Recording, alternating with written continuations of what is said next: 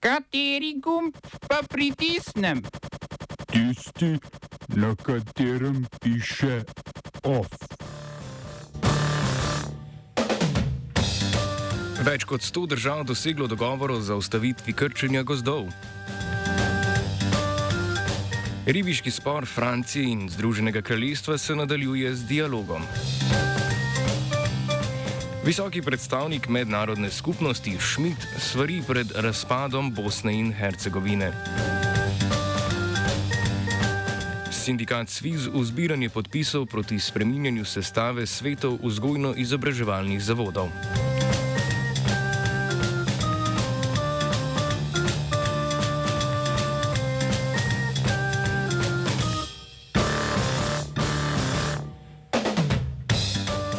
Kot 100 voditeljev držav, ki se te dni udeležujejo podnebne konference v Glasgowu, se je zavezalo k zaustavitvi krčenja gozdov do leta 2030. Dogovor obsega 10 milijard evrov donacij držav, ki bodo večinoma namenjeni obnovi poškodovane zemlje, predvsem v državah v razvoju. Poleg tega bodo sredstva namenjena proti gozdnim požarom in podpori staroselskim skupinam, ki jih je izsekavanje najbolj prizadelo. 28 držav se je zavezalo tudi k prenehanju krčenja gozdov za potrebe svetovne trgovine s prehrambenimi izdelki, ki najbolj prispevajo k krčenju, kot so palmovo olje, soja in kakao. Med njimi so tudi Brazilija, Indonezija in Demokratična republika Kongo. Podoben dogovor je bil sicer sklenjen leta 2014 v New Yorku, a upočasnitve krčenja gozdov ni prinesel. Letos so namreč izsekali največjo površino tropskega deževnega gozda do zdaj.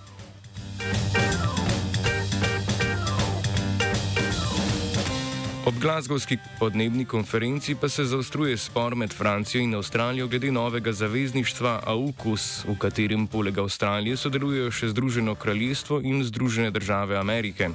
Francoski predsednik Emmanuel Macron je avstralskega predsednika Scotta Morrisona označil za lažnivca glede nakupa francoskih podmornic. Avstrijski mediji so razkrili tudi del pogovora med francoskim in avstralskim voditeljem. V njem Macron dva dni pred javno objavo novice sprašuje Morrisona, ali naj pričakuje dobre ali slabe vesti. Morrisonov odgovor ni bil objavljen, zaradi česar so številni novinari sklepali, da je sporočila medijem dal Morrison sam, če se ta ni hotel komentirati ali zanikati. Avstralija je namreč razveljavila pogodbo s Francijo, se raje odločila za jedrske podmornice ZDA ter odpoklicala avstralskega in ameriškega veleposlanika.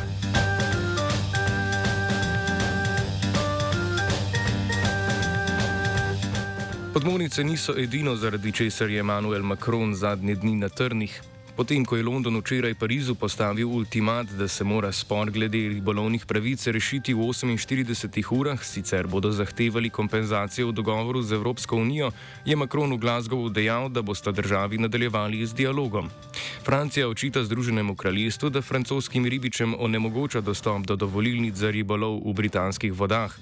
Združeno kraljestvo se je septembra namreč odločilo, da francoskim ribičem zaradi neustrezne dokumentacije ne bo izdalo dovolilnic.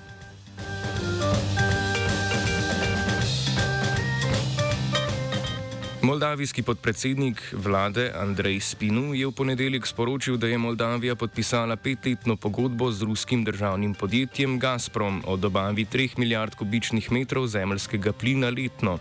Prejšnja pogodba je septembra potekla, na to pa je Rusija zagrozila, da bo prenehala dobavljati, ker Moldavija ni plačevala računov za zemljski plin in je Gazpromu dolgovala približno 600 milijonov evrov. Evropska unija in preostale zahodne zaveznice so ruske grožnje Moldaviji, ki je sicer pod znatnim vplivom Rusije, označile za izsiljevanje. Kreml pa je zanikal, da namerava s pogojevanjem dobave plina povečati svoj vpliv v Moldaviji.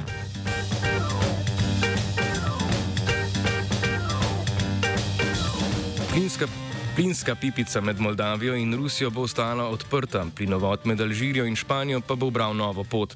Alžirski predsednik Abdelmajid Tebun je državnemu energetskemu podjetju Sonatrah ukazal naj ne mudoma ustavi dobavo plina v Španijo prek Maroka zaradi zaostrenih diplomatskih odnosov med Alžirijo in Marokom, predvsem zaradi maroške okupacije Zahodne Sahare in toplejših odnosov z Izraelom.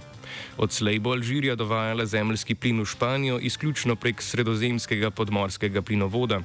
Ta se imenuje Medgaz in ima bistveno manjše kapacitete od standardnega plinovoda Gaz Magreb Evropa, kar bi lahko še dodatno podražilo cene plina v Evropi.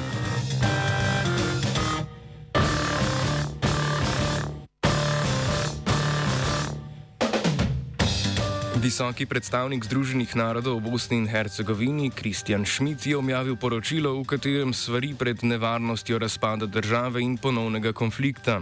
Poročilo ugotavlja, da bi oblikovanje vojske Republike Srpske in nadaljni razvoj separatističnih teženj Bosno in Hercegovino pahnila v najhujšo politično krizo od Daytonskega sporazuma leta 1995.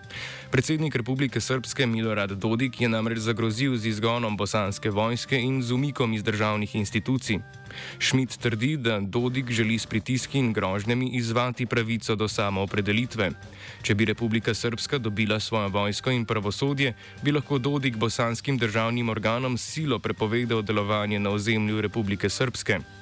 V ponedeljek je Dodik potrdil, da namerava sporne zakonske predloge v podporo umiku srpskih institucij zvezdnih ravni države posredovati parlamentu Republike Srpske do sredine tega meseca.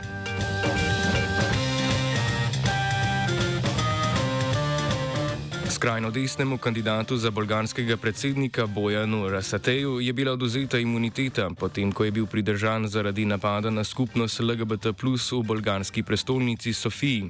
Rasate, ki se je v predvolilni kampanji opredelil za nacionalsocialista, naj bi v soboto z nekaj somišljeniki razdajal prostore ene od organizacij in fizično napadel njene člane.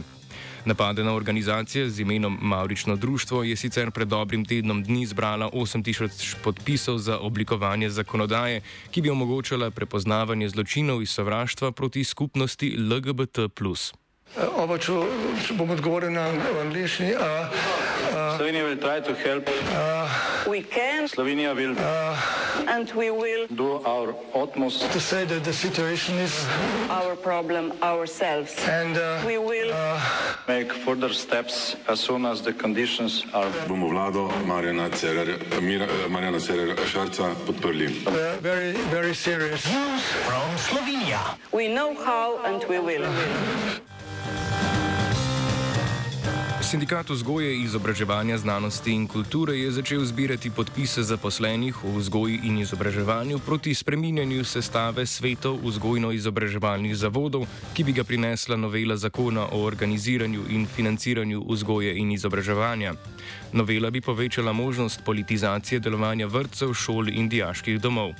Več o tem glavni tajnik sindikata Branimir Štrukal.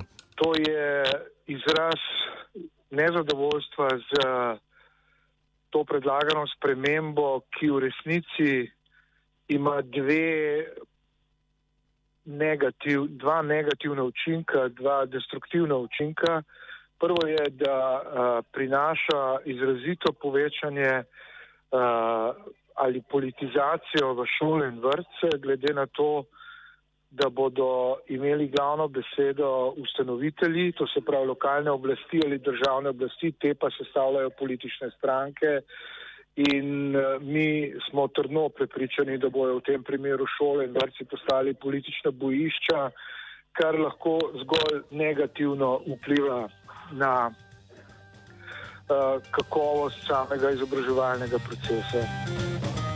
Novela zakona bi učiteljem in vzgojiteljem oduzela dve mesti v svetih zavodov, kar po mnenju Branimirja Štruklja kaže na nezaupanje politike v učitelje in vzgojitelje. V resnici ta predlog spremembe, ki jemlje učiteljstvu dva predstavnika v svetih in vzgojiteljem v vrcih, pravzaprav temelji na nezaupanju uh, do učiteljstva.